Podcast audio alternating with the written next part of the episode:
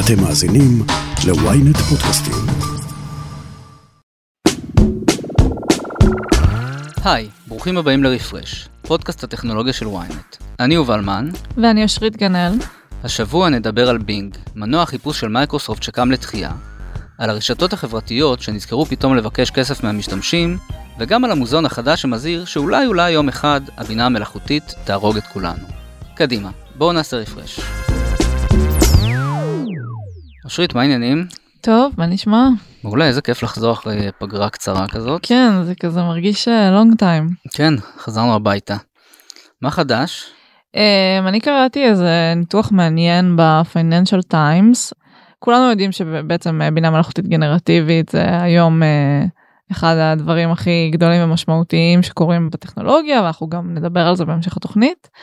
אבל הניתוח הזה היה בעצם בהקשר ל-virtual assistants, עוזרות uh, וירטואליות, שבעצם לא כל כך עבדו כמו שאולי ציפו שהם יעבדו, ויש איזו ציפייה שיכול להיות שעכשיו הטכנולוגיה הזאת של ה-AI הגנרטיבי ישדרג גם אותן.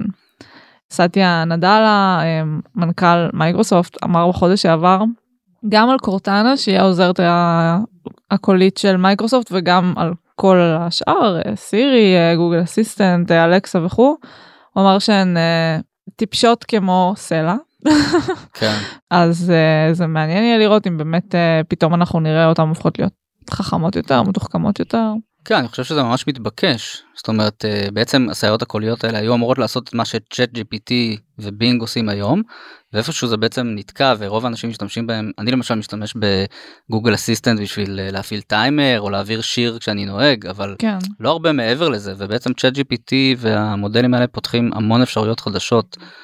לסייעות הקוליות ובאמת מעניין למה זה נתקע למה זה לא התקדם. כן זה בעצם הבדל בין באמת לעשות בזה שימוש למשהו שהוא מאוד טכני אה, לבין באמת לראות את זה כמשהו קצת יותר אה, עמוק. כן, לנהל שיחות אה, פילוסופיות עם סירי או אלכסה. שמת לב שבסוף שבוע מטא הודיעה על אה, כך שהיא חותכת את המחירים של קסדות המציאות המדומה שלה. כן. בעצם הקווסט פרו אה, שיצא ממש לפני כמה חודשים ועלתה 1500 דולר תעלה מעכשיו 1000 דולר שליש פחות וקווסט 2 הקסדה היותר זולה תעלה 430 במקום 500 וזה קורה ממש כמה חודשים אחרי שמטה העלתה את המחיר מ-400 ל-500.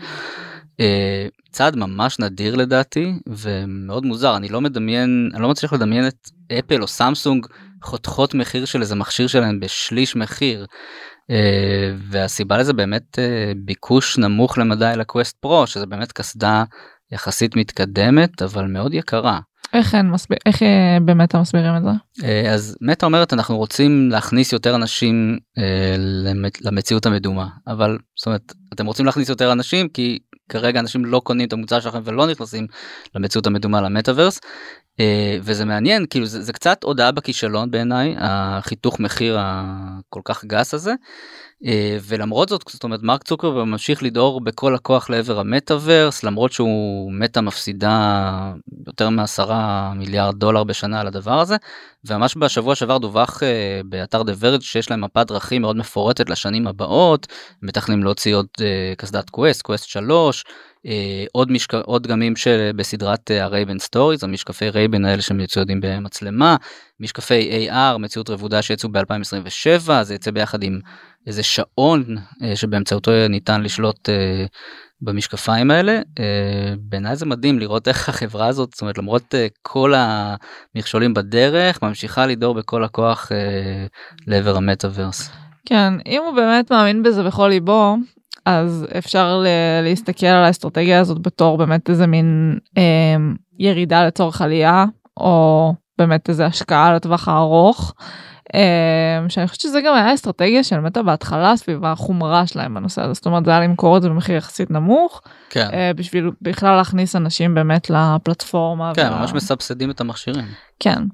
Uh, מצד שני זה באמת uh, מתחיל להיראות כאילו כל האסטרטגיה שלהם סביב המטאברס זה רק להתמקד בטווח הארוך ובאמת בצורה קצת עיוורת כמו שאתה אומר. כן איך אומרים זה יכול להיות uh, הצלחה ענקית או כישלון מפואר. כן. we've been working on something we think is pretty special. We're going to reimagine the search engine, the web browser, and new chat experiences into something we think of as your Copilot for the web.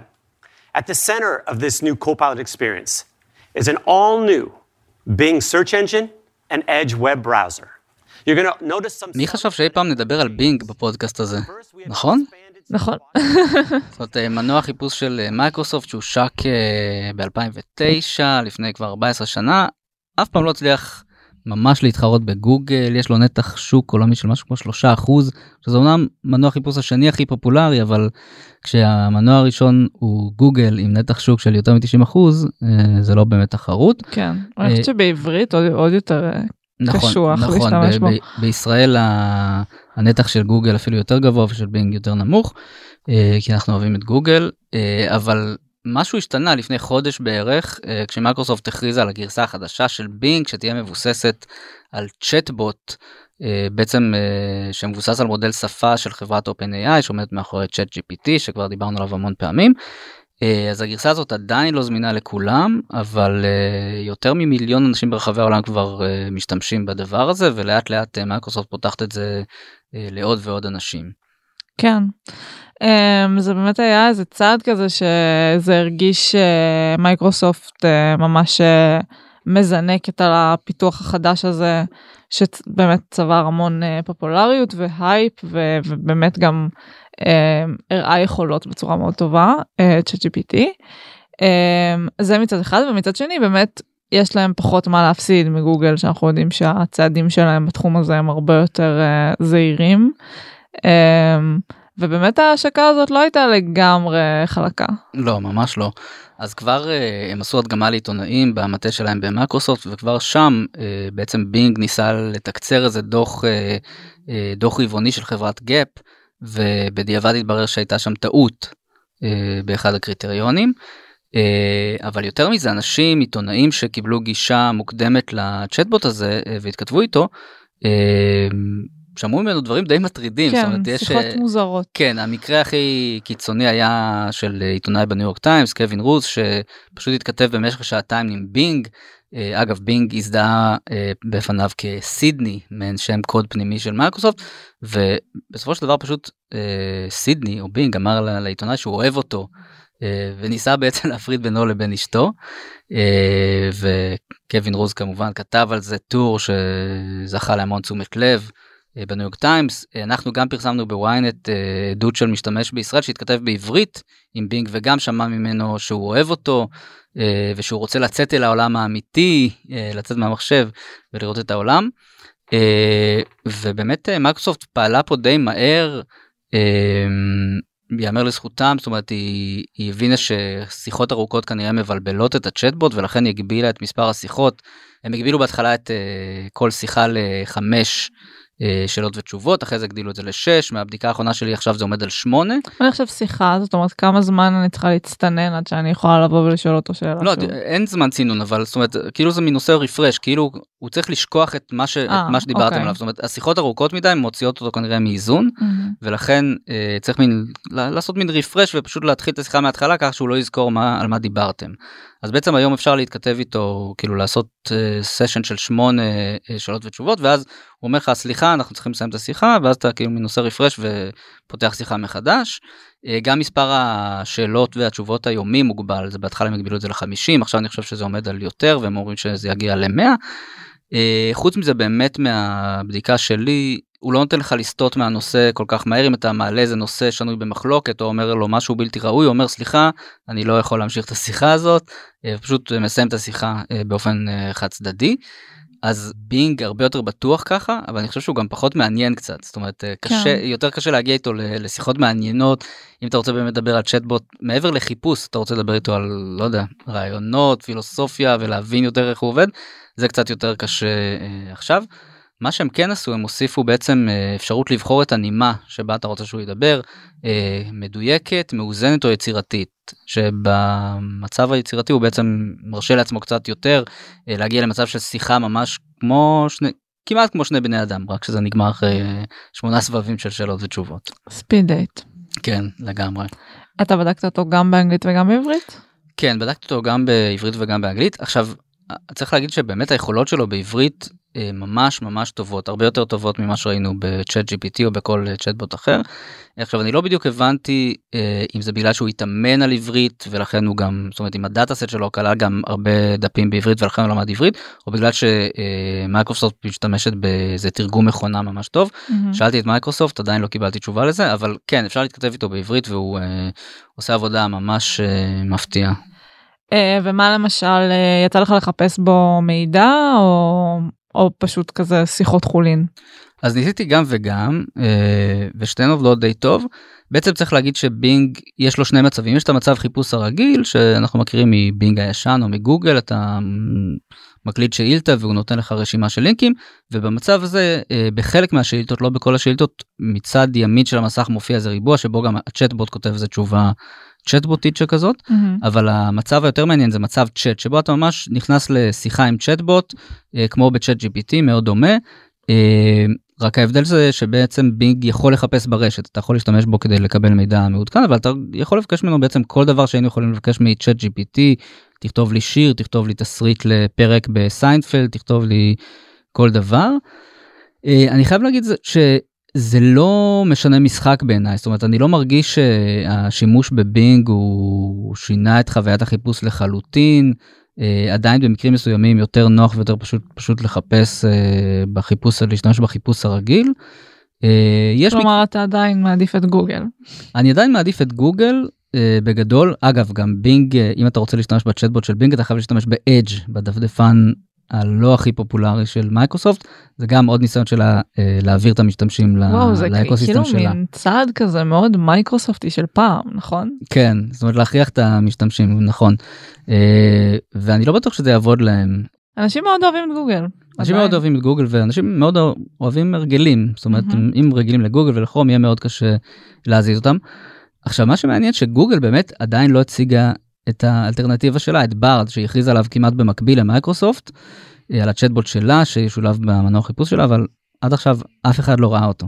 נכון אז בעצם כל הסיפור עם גוגל הוא נראה לי באמת הרבה יותר מורכב מהסיפור uh, של מייקרוסופט כמו שכבר אמרנו בהתחלה יש לה הרבה יותר מה להפסיד uh, והיא מאוד uh, מתגאה בעצם בזה שהאמינות של המידע אצלה הוא מאוד uh, גבוה המידע ש... זאת אומרת שעולה בחיפוש הרגיל והם לא רוצים uh, לסכן את זה.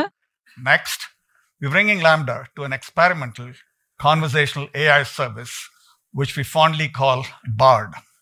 You'll be able to interact with BARD to explore complex topics, collaborate in real time, and get creative new ideas. For example, אז באמת את ההכרזה על בארד ראינו עבר כבר חודש בערך כן. נכון? משהו כזה.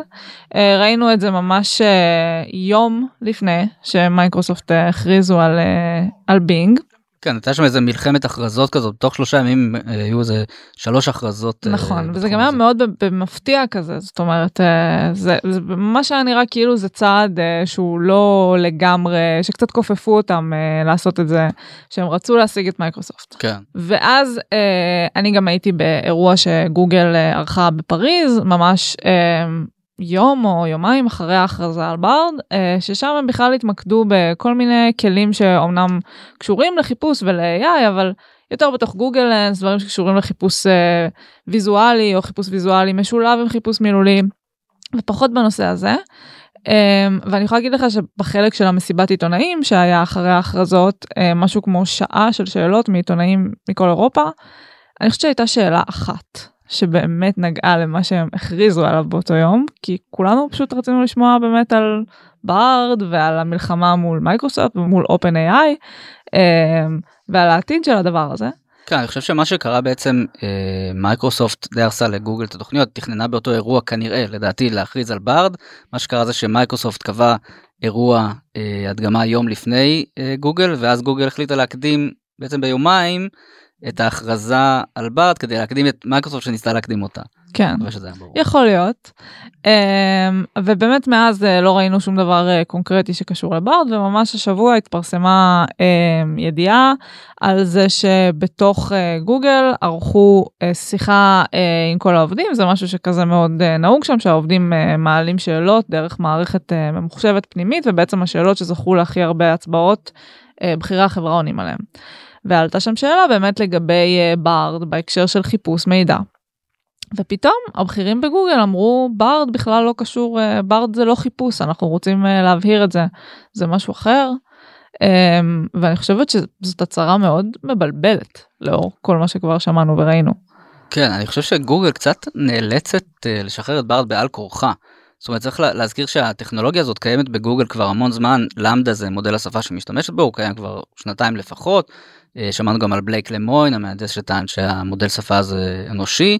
Uh, ובכלל ה-T ב-GPT זה טרנספורמר זה בעצם מודל שפה שהומצא על ידי מהנדסים בגוגל. זאת אומרת נכון. גוגל לא רק שיש לה את הטכנולוגיה היא אחת החלוצות והכי מתקדמות בו אבל יש לה הרבה יותר מה להפסיד בזה שהיא תכניס צ'טבוט שאולי יגיד דברים לא נכונים או פוגעניים היא יכולה להפסיד נתח שוק ענקי שמניב לה מיליארדים רבים בשנה אה, והיא פחות מתלהבת מזה אני חושב שהיא בעצם נגררת אה, כי היא חוששת שמייקרוסופט ואופן איי בעצם יגנבו לה נתח שוק אז היא די בעל כורחה מכניסה את הצ'טבוט הזה לגוגל אה, בלי שהיא באמת מתלהבת מזה. כן. אגב יכול להיות שעכשיו באמת הם מעדיפים רגע לעקוב בשקט ולראות מה קורה עם מייקרוסופט ובינג לפני שהם בוחרים לשחרר את זה כי אולי באמת אם הם יראו שזה לא כזה איום אז הם לא צריכים לרוץ לשלב את זה בחיפוש שלהם. כן מצד שני אנחנו רואים שמייקרוסופט כבר מייקרוסופט לא נחה לרגע הם משלבים את בינג אה, בעוד כל מיני תוכנות למשל בעדכון לווינדוס 11 עכשיו מופיע אייקון של בינג בחיפוש של ווינדוס הם הוסיפו את בינג לסקייפ לא יודע מי עדיין משתמש בסקייפ אבל עכשיו בקבוצות צ'אט בסקייפ אפשר פשוט לא, לצרף את בינג ופשוט לשאול אותו שאלות. למה לא ל Teams? זהו אני חושב שזה השלב הבא קודם הם בודקים את זה בסקייפ ואז הם יוסיפו את זה ל Teams סתם תחשבו על צ'אטבוט כזה בוואטסאפ למשל נגיד בקבוצה המשפחתית שלכם אפשר עכשיו לשאול את, אה, את בינג אה, איפה יש עכשיו ב, אתם רוצים לתכנן חופשה משפחתית איפה מזג האוויר הכי טוב באוגוסט או משהו. לאן יוצאים לאכול? כן גם. אז אז מייקרוסופט ממשיכה לעשות את הדברים האלה אה, הדיבור זה שהיא תשלב גם את בינג באוטלוק בוורד ובפאוורפוינט אה, ובינתיים גוגל לא עושה כלום כן. אגב uh, נתונים שקיבלנו מחברת המחקר דאטה AI מצביעים על זה שההורדות של אפליקציית בינג זינקו מ-410 אלף בינואר ל-3.2 מיליון בפברואר זינוק של 680 אחוז. אני לא חושב שגוגל רואה את זה ואומרת אה סבבה בכיף. כן.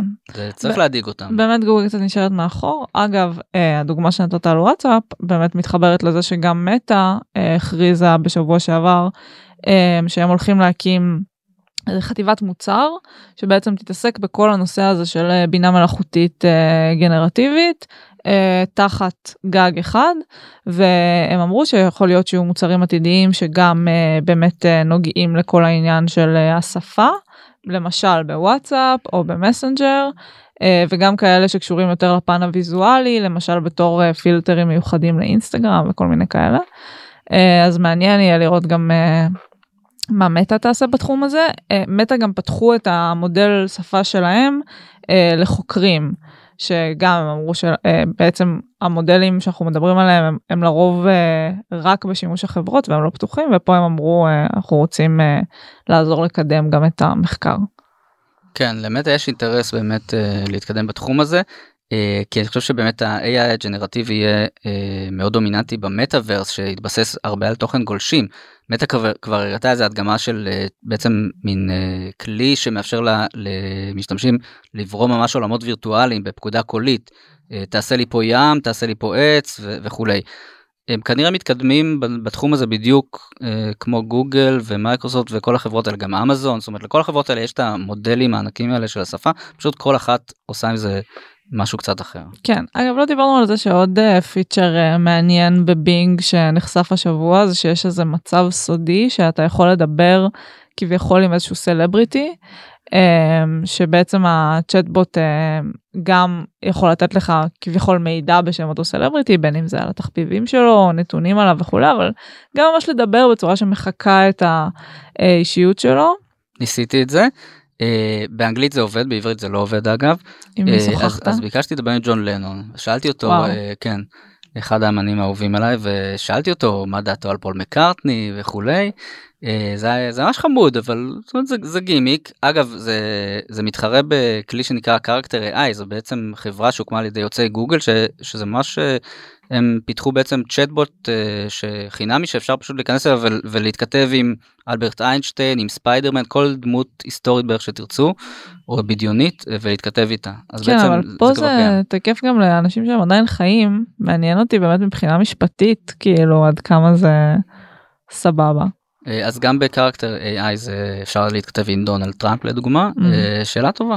בכלל כל כל הנושא המשפטי סביב ה-AI הגנרטיבי הוא בסימן שאלה אנחנו לא יודעים המון נכון. דברים כל סיפור הזכויות יוצרים למי התמונות שייכות ולמי הטקסטים שייכים אה, זאת שאלה שתלווה אותנו כנראה בשנים הקרובות. כן. אגב עוד תחרות אולי מכיוון קצת פחות צפוי שמגיעה בתחום הזה זה מחברה קוריאנית שנקראת SK טלקום בעצם איזושהי ענקית אה, טלקום מקוריאה שהם אה, הם הודיעו שהם משיקים צ'טבוט אה, בשם אה, בעצם התשובה שלהם גם ל ChatGPT. ו... אבל הם אומרים שהוא מאוד הולך להיות שונה מ ChatGPT שהתחושה בעצם תהיה ממש כאילו אתה משוחח עם uh, חבר ושעוזר לך לפתור בעיות שאתה נתקל בהם בחיי היומיום שלך. ומשהו עוד יותר מעניין זה שבעצם להם יש כל מיני מוצרים כמו uh, שירות uh, סטרימינג של מוזיקה ושירות e-commerce ושירות תשלומים. והם רוצים לשלב את הצ'טבוט הזה בעצם שהוא יעזור לך לבצע כל מיני פעולות uh, בשירותים האלה. Uh, ממש כסוג של uh, סופר אפליקציה, סופר אפ, שזה משהו שמאוד רווח במזרח, קצת פחות הגיע למערב, אבל במזרח אנחנו רואים כל מיני אפליקציות כאלה כמו אלי פיי בסין, uh, שמאפשרת לך לעשות המון המון פעולות מתוך אפליקציה אחת. מעניין יהיה לראות גם את הבינה המלאכותית הגנרטיבית נכנסת לתחום הזה. כן אגב אה, DID החברה הישראלית שכבר דיברנו עליה פה ואירחנו את המנכ"ל שלה. אה, היא השיקה השבוע מעין אבטאר שמבוסס על צ'אט GPT שאתה יכול פשוט להתכתב איתו ובמקום שצ'אט GPT יתכתב איתך פשוט לראות אבטאר מדבר איתך מזיז את השפתיים בהתאם לטקסט שצ'אט GPT יוצר. אה, וזה מגניב זה, וזה באמת בעיניי התפתחות טבעית זאת אומרת אם יש לנו את צ'אט GPT ודיברנו גם על, קודם על הסייעות הקוליות אז למה לא להפוך את זה גם למשהו יותר אנושי ואני חושב שהשלב הבא הוא באמת אה, קיוסקים של מזון מהיר וכספומטים ודברים כאלה ש, שממש אפשר לדבר עם אבטארים שמבוססים על מודלים של שפה בעצם במקום להתכתב אנחנו פשוט נדבר. כן, אה, יכול להיות ש, שהתחום הזה הולך לשם, לדעתי באמת אנחנו עוד, עוד לא ראינו כלום אה, מבחינת אה, הפוטנציאל של הטכנולוגיה הזאת. וגוגל אנחנו מחכים שתצטרפו למשחק. כן הבטחתם לנו צ'טבוט לשבת. הפסקה קצרה וכבר חוזרים. ynet רדיו, הרדיו הדיגיטלי הראשון בישראל, מחכה לכם בכל מקום ובכל זמן שתבחרו, עם נבחרת המגישים שלנו ומיטב התוכניות. ynet רדיו, להאזנה באפליקציה ובאתר ynet.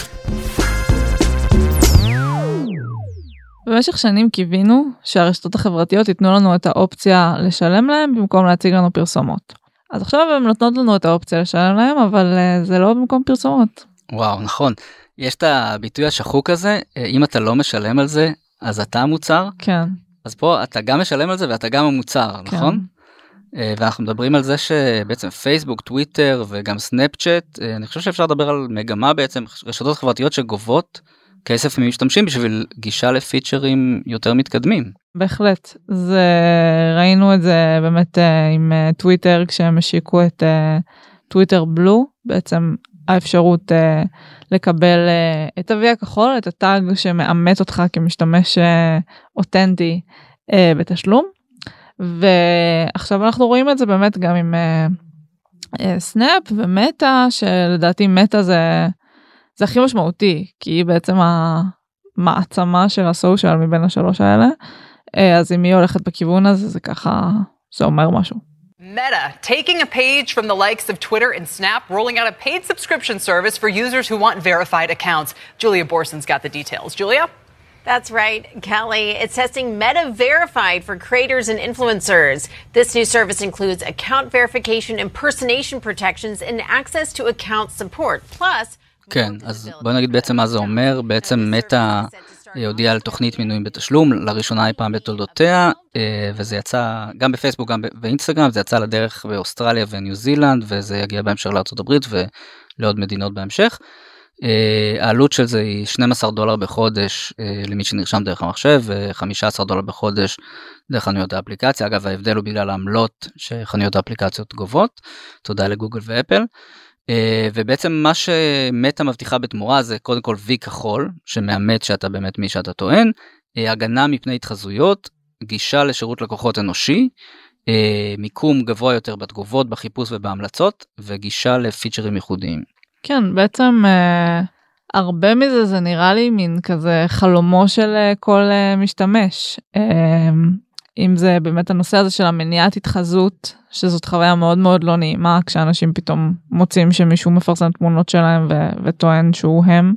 Uh, ובטח ובטח הנושא הזה של השירות לקוחות, זאת אומרת היכולת שיהיה מישהו אנושי אה, לפנות אליו ולדבר איתו כשמתעוררות בעיות. כן, אני חושב שבאמת אנשים נתפסים לאבי הכחול, אבל אני חושב ששני הפיצ'רים הכי משמעותיים בחבילה הזאת, זה באמת הגישה לשירות לקוחות אנושי. הרי את בטח מכירה את זה, אני מכיר את זה, המון אנשים פונים אליי, אה, פייסבוק חסמה אותי, וואטסאפ חסמה אותי, אינסטגרם חסמה אותי, מישהו השתלט לי על החשבון, ואין עם מי לדבר, כן. גם אם זה בצדק או לא בצדק, אה, עשית משהו, הפרת את תנאי השימוש, או שמישהו השתלט לך על החשבון, אין לך עם מי לדבר. בעצם יש איזשהו תהליך בירוקרטי כזה, שגם הרבה אנשים מסתבכים איתו, וגם כשהם לא מסתבכים איתו אז לא תמיד הוא הולך uh, כמו שצריך ובאמת זה, זה מאוד קשה שזה הכל מין אה, מאוד כזה בהתכתבויות וקר ובאמת אין בן אדם כן. שאפשר שנייה אוקיי אבל יש פה בעיה. כן אין מענה אנושי ובאמת צריך להזכיר שזה נורא חשוב לאנשים יש אנשים שזה זאת אומרת מתפרנסים דרך פייסבוק אנשים שמפרסמים מוצרים והרצאות וספרים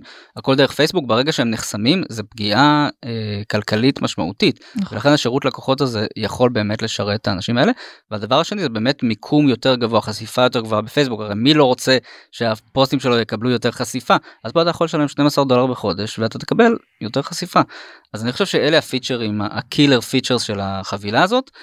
אה, אבל הם מדברים לקהל מאוד מאוד ספציפי. נכון, אני באמת בגלל זה חושבת שהאנשים שזה רלוונטי עבורם זה משפיענים, כלומר משפיענים יוצרי תוכן, אנשים שממש כל הפרנסה שלהם היא בפלטפורמות האלה והנראות שלהם בהם היא מאוד uh, חשובה. Uh, או אנשים שהם לא בהכרח משפיענים אבל כמו שאמרת הם באמת משתמשים בזה ככלי פרסום או ככלי תקשורת עם לקוחות שהוא מאוד חשוב ואם פתאום הם נחסמים או משהו כזה אז זה ממש אה, פגיעה בעסק. אלה האנשים שיכולים אה, לשקול את הדבר הזה ושבאמת יכול להיות שגם מראש הפנייה היא אליהם. כן. מצד שני השאלה פה היא איך זה ישפיע על הפלטפורמה זאת אומרת זה, אני חושב שזה יכול להפוך את פייסבוק ואינסטגרם למקומות פחות מעניינים. זאת אומרת אה, אם עד עכשיו אה, היית מקבל חשיפה לפי האיכות במרכאות של התוכן שלך, זאת אומרת אם היית מפרסם תוכן שהוא מעניין, שהוא ויראלי, אנשים היו מגיבים אליו ואז הוא היה אה, נחשף ליותר ויותר משתמשים, אז עכשיו זאת אומרת אם שילמת יותר, שילמת 12 דולר בחודש, אז תהיה לך חשיפה יותר גבוהה, ואז איך זה ישפיע על המשתמשים ועל החוויה שלהם בפלטפורמה. אה, יש הרבה אנשים שהם כבר היום מתוסכלים מפייסבוק, אה, גם מהתוכן והאיכות וגם מהפילוג והוויכוחים ברשתות החברתיות בכלל. אה, אני חושב שהאנשים האלה שגם ככה אה, מתוסכלים זה לא זה בטח לא ישפר את החוויה שלהם מפייסבוק או אינסטגרם. כן וגם אה, מהפן של האבטחה אז באמת צריך להסתכל על העניין הזה שפתאום הם מבטיחים הבטחה טובה יותר אם תשלם זאת אומרת האפשרות הזאת שהם ממש מנטרים אקטיבית האם מישהו מתחזה אליך. Uh, וגם בטוויטר אגב זה מה שאנחנו רואים שבעצם רק הלקוחות המשלמים uh, יוכלו לעשות אימות uh, דו שלבי באמצעות אס.אם.אסים אה, למכשיר הנייד. כן.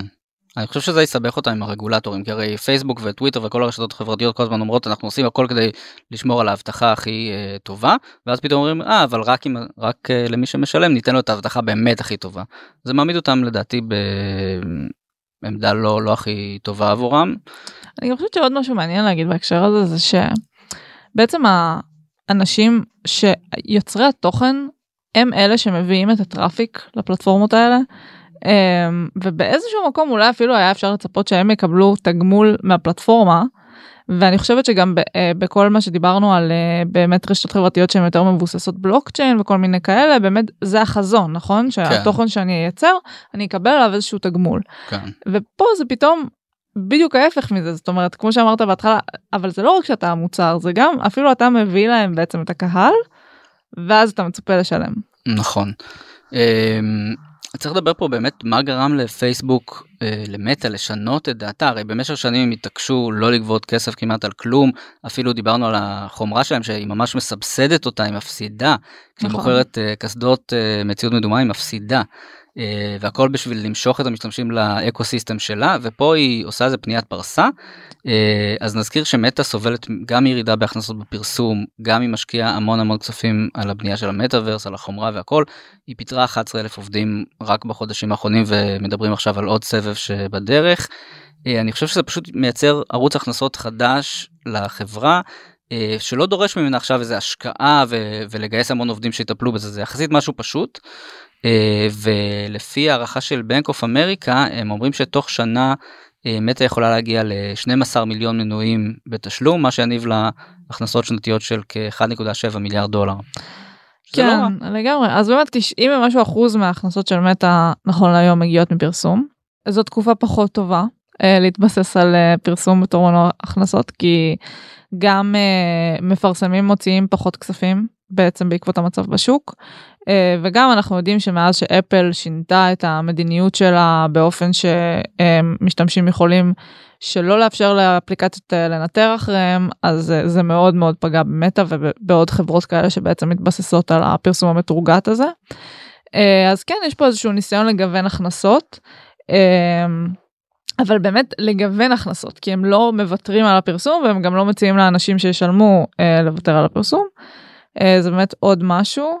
אה, אגב זה קצת מזכיר לי את הסיפור שהיה אז עם גוגל פוטוס שהמוצר היה חינם במשך המון המון זמן ואז אוקיי אתם רוצים להמשיך להשתמש אז אה, תתחילו לשלם.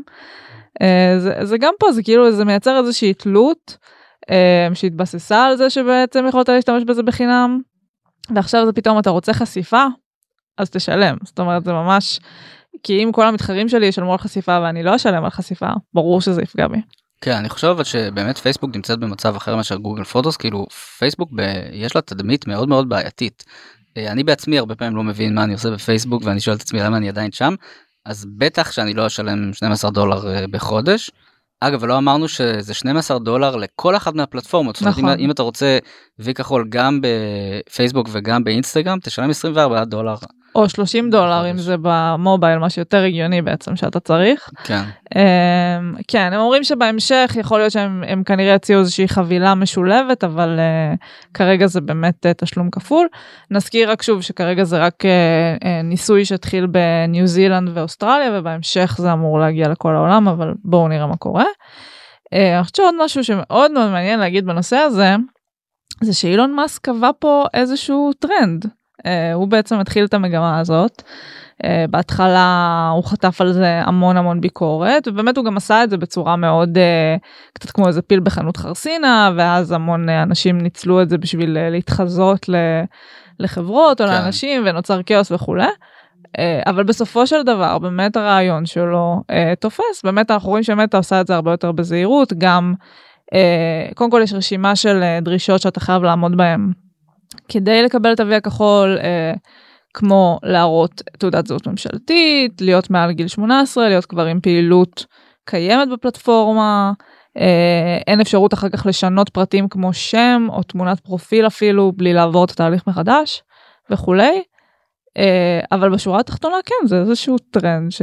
שהגיע ממנו. כן אה, אגב יכול להיות שזה באמת רעיון גאוני של מאסק אבל צריך להגיד שטוויטר בלו אה, לא נחשב לסיפור הצלחה גדול. כרגע יש לו משהו כמו 300 אלף אה, משתמשים שזה לא המון. לטוויטר יש 230 מיליון משתמשים. זאת אומרת לא לא הרבה מהמשתמשים של טוויטר מוכנים לשלם את ה-8 דולר בחודש או 11 דולר אם זה במובייל בשביל ה-V הכחול הזה הנחשק. בסן פרנסיסקו, לא רחוק מהמשרדים של חברת OpenAI, נפתח השבוע ה-Misalignment Museum, תערוכה חדשה שעוסקת בבינה מלאכותית ובהשפעה הרסנית שיכולה להיות לה על האנושות. אז נתחיל בזה שמי שנכנס אה, לתערוכה הזאת רואה אה, שלט שכתוב עליו, סליחה שהרגנו כמעט את כל האנושות. כן. בעצם uh, הרעיון בתערוכה הזאת זה להציג איזשהו עתיד uh, מדומיין uh, שבו הנבואות הזעם הכי גרועות על הבינה המלאכותית uh, התממשו. כמעט, כי לא הרגה אה. את כל האנושות, כמעט את כל האנושות. נכון, יש שם איזה טוויסט מעניין. אמ, שבאמת כאילו ב- ב- ביצירות אה, מדע שונות אה, אומרים שברגע שתהיה בינה מלאכותית מספיק חכמה שתפתח אה, מודעות תחליט שצריך אה, לחסל את כל האנושות אז זה כביכול מה שבאמת קרה רק שבאיזשהו שלב היא תיקנה את עצמה היא הבינה את, את גודל הטעות והיא הפסיקה. ואז בעצם חלק מהאנושות אה, ניצלה והתערוכה הזאת היא בעצם סוג של אה, אה, לזכר בעצם. הנספים. כן. צריך להסביר רגע את המושג alignment שזה מושג נורא חשוב בבינה מלאכותית אה, אפשר לתרגם את זה לאישור קו בעצם הכוונה אה, לזה שהבינה המלאכותית מיישרת קו עם הכוונות של היוצרים שלה ועם הערכים האנושיים.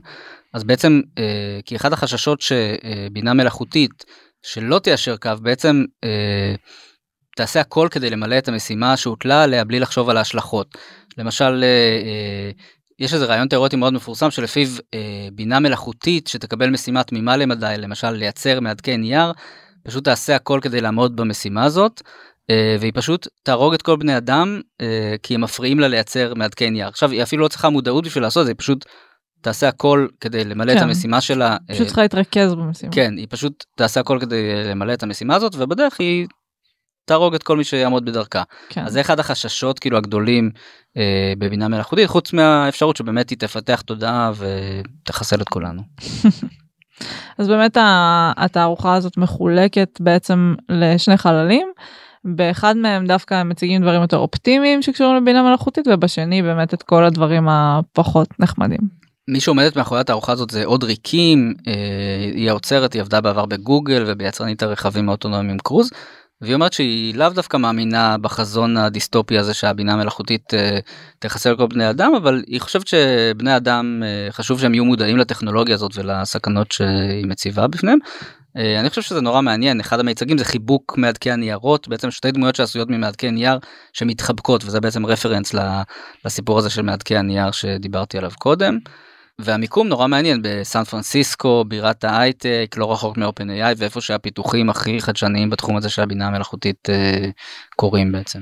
כן, אני חושבת שזה גם באמת מעניין הנקודה הזאת שהאוצרת עצמה אומרת אני לא מאמינה שבאיזשהו דיסטופיה היא אפילו אומרת שהיא מאמינה שהטכנולוגיה הזאת יכולים להיות לה יכולים להיות לה המון שימושים מאוד מאוד חיוביים אבל גם יכולים להיות לה אה, באמת אה, סכנות מאוד גדולות והרעיון שלה זה לעורר מודעות לעורר מחשבה. אה, ולגרום לזה שאנחנו כל הזמן נזכור את הדברים האלה ובהתאם גם נתכנן את הטכנולוגיות האלה להיות אה, פרו אנושיות כמו שהיא קוראת לזה. כן וגם שהמפתחים שנמצאים שם בסן פרנסיסקו יראו את זה ואולי אה, יחשבו פעמיים לפני הפיצ'ר המבוסס AI הבא שהם אה, יעבדו עליו. אז זה קורה בסן פרנסיסקו התערוכה הזו פתוחה עד 1 במאי אם אתם במקרה נמצאים באזור. עד כאן רפרש להפעם. כדי להאזין לפרקים הבאים שלנו, עקבו אחרינו בוויינט, בספוטיפיי, או איפה שאתם שומעים פודקאסטים. דרגו אותנו באפל פודקאסט ובספוטיפיי, ותשלחו את הפרק לחברים שחייבים לעשות רפרש. נשמח לראות אתכם גם בקהילת רפרש בפייסבוק. עורך הפודקאסטים שלנו הוא רון טוביה. על הסאונד גיא סלם. תודה ליובל מן, אני אושרית גנאל, להתראות בשבוע הבא.